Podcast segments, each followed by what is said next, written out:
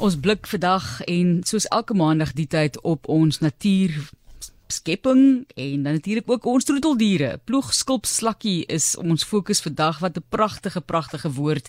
Mareike Massin wat vir ons meer van die slakkie vertel en die slak eet blykbaar blou blaasies en jellyvisse waarvan ons wegduins, maar sy is die uitvoerende bestuurder van Osaka SeaWorld. Hoe gaan dit julle deel van die land, Mareike? Oh, dit gaan altyd goed en dit is altyd so lekker om met jou te gesels en met jou luisteraars. So ja, dit is 'n lekker uh, maandag. Dankie Matlies.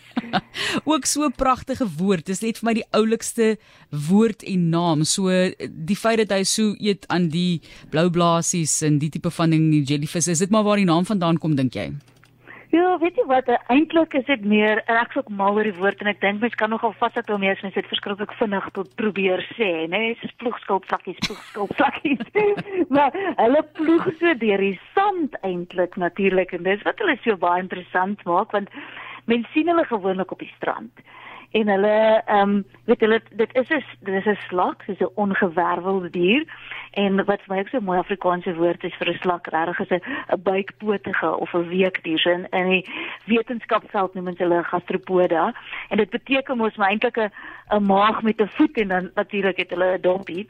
En hierdie slakke juis hierdie ploegskulpslakkies het 'n baie groot plat voet en dan 'n lang gepunte skulpie En daar is baie, daar's meer as 8 spesies in in Suid-Afrika. So ek dink meeste mense, meeste luisteraars behoort hulle al te gesien het want jy kry hulle baie in die Suid en Wes-Kaap en daar's 'n spesifieke spesies en hulle noem hom die vingerploegskulpslak of die die wetenskaplike naam is eintlik Bullia digitalis en 'n digitalis is my soos 'n vinger.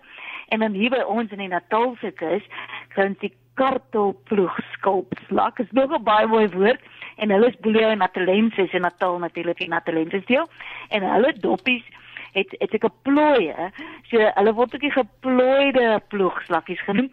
Maar ek's nog altyd vreeslik gefassineer met hulle. Juis toe ek op universiteit was en dis nou amper 30 jaar terug was een van my my professore en hy's by hy was by Universiteit van Kaapstad gewees professor Alec Brown hy was absoluut wonderlik. En hy het 'n hele doktorsgraad gedoen op hierdie slakke in 1976 min of meer en hy het ons juis vertel dat hierdie slakke so goed aangepas by hul omgewing wat natuurlik net tussen die getuisone is, so tussen die hoogwaterlyn en die laagwaterlyn en dis 'n verskriklik aktiewe deel waar daar net baie sand en en golwe. So die hele dag rol hulle hier in die sand rond asof hulle gesandblaas word. En daardie voet en die dop van hulle is so goed aangepas dat hulle kom niks oor, hulle word nie beseer nie en hulle begrawe hulle self nou onder die sand tydens hoogwater. En soos dit laagwater raak, dan begin hulle te ploeg hier deur die sand. En hulle hulle ry brandertjies tot op die op die droër well, nat sand maar nou nie onder die water nie. En dan gaan soek hulle nou vir iets om te eet. En dis gewoonlik jellyfish of bloublaasies en ek dink baie luisteraars sou hulle al gesien het. Jy weet, dit is sommer so 'n groot fees om met julle versit al hierdie slakkies so gepak om hulle sê, ja, hulle is baie interessante diertjies so interessant en ons indien jy pas was aangesluit het gesels oor die ploegskulp slakkie en Marike Massin wat al die pad van Osaka Sea World met ons gesels.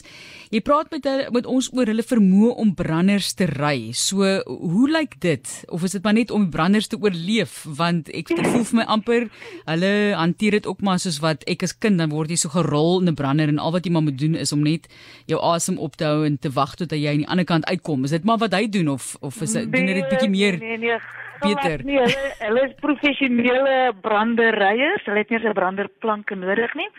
So en hier is eintlik baie interessant want hulle eerstens fisiologies het hulle aangepas. So, hulle het 'n hulle het 'n hoër spesifieke swaartekrag. So hulle is baie meer doeltreffend, jy weet in die water en kan dus beter of 'n brandertjie ry. En en hierdie ons praat nou van die brandertjies oor die vlak op die sand.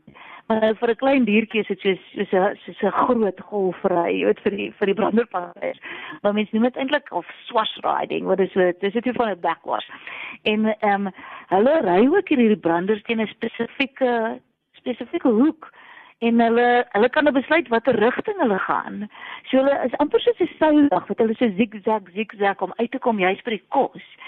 So en hulle, hulle doppies is ook lekker lig sodat hulle beter kan branders ry. En hulle word gesien as die mees effektiewe brandery dierespesies wat daar is, want hulle kan ook baie goed spoed optel. So hulle kan omtrent tussen 75 en 80% van die spoed van die golf opbou kan hulle dit nou so brandery. So ek dink dit is wonderlik dat hierdie ploegskulpslakkies eintlik wêreldkampioen branderplan kry. Wel, branderyers is. Fantasties.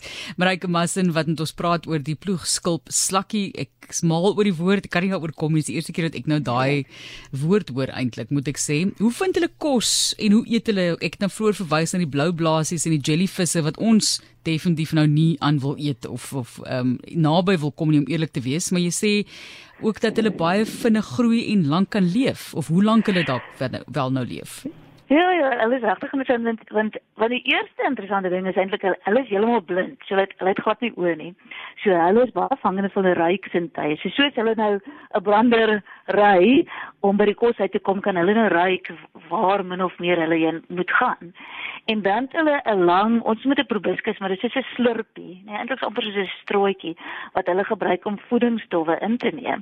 So hulle seil nou so in in brandery, nou so na 'n dooie dier en gewoonlik is dit 'n 'n jellyfish of is 'n uh, 'n blou en dan pak hulle so aan en dan gebruik hulle hierdie nou slurpie om dit soos 'n soos 'n soos 'n vloeistof eintlik op te op te suig en dis hoe hulle hulle kos kry, maar jy kan hulle ook op enige iets anders wat op die strand uitspoel, enige enige ander dooie dier, kan jy kry hulle ook.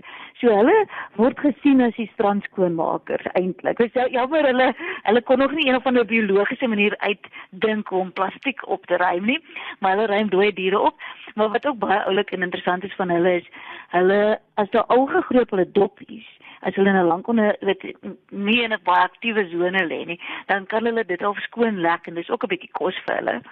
Ehm um, maar hulle is ehm um, groei baie vinnig in die eerste jaar van hulle lewe en dan begin hulle al hoe stadiger te groei en dit vat vir omtrent 10 jaar om te groei tot omtrent so 4 tot 4.5 cm lank en dan is hulle nou volgroeid. Maar hulle kan tussen 15 en 20 jaar lank lewe en dit is vir my net fenomenaal want as jy nou dink jy stap op die strand en jy sien hierdie ou slakkie langs 'n jellyfish, dan kan jy nie dink dat dis daai slakkie is dalk al 20 jaar oud.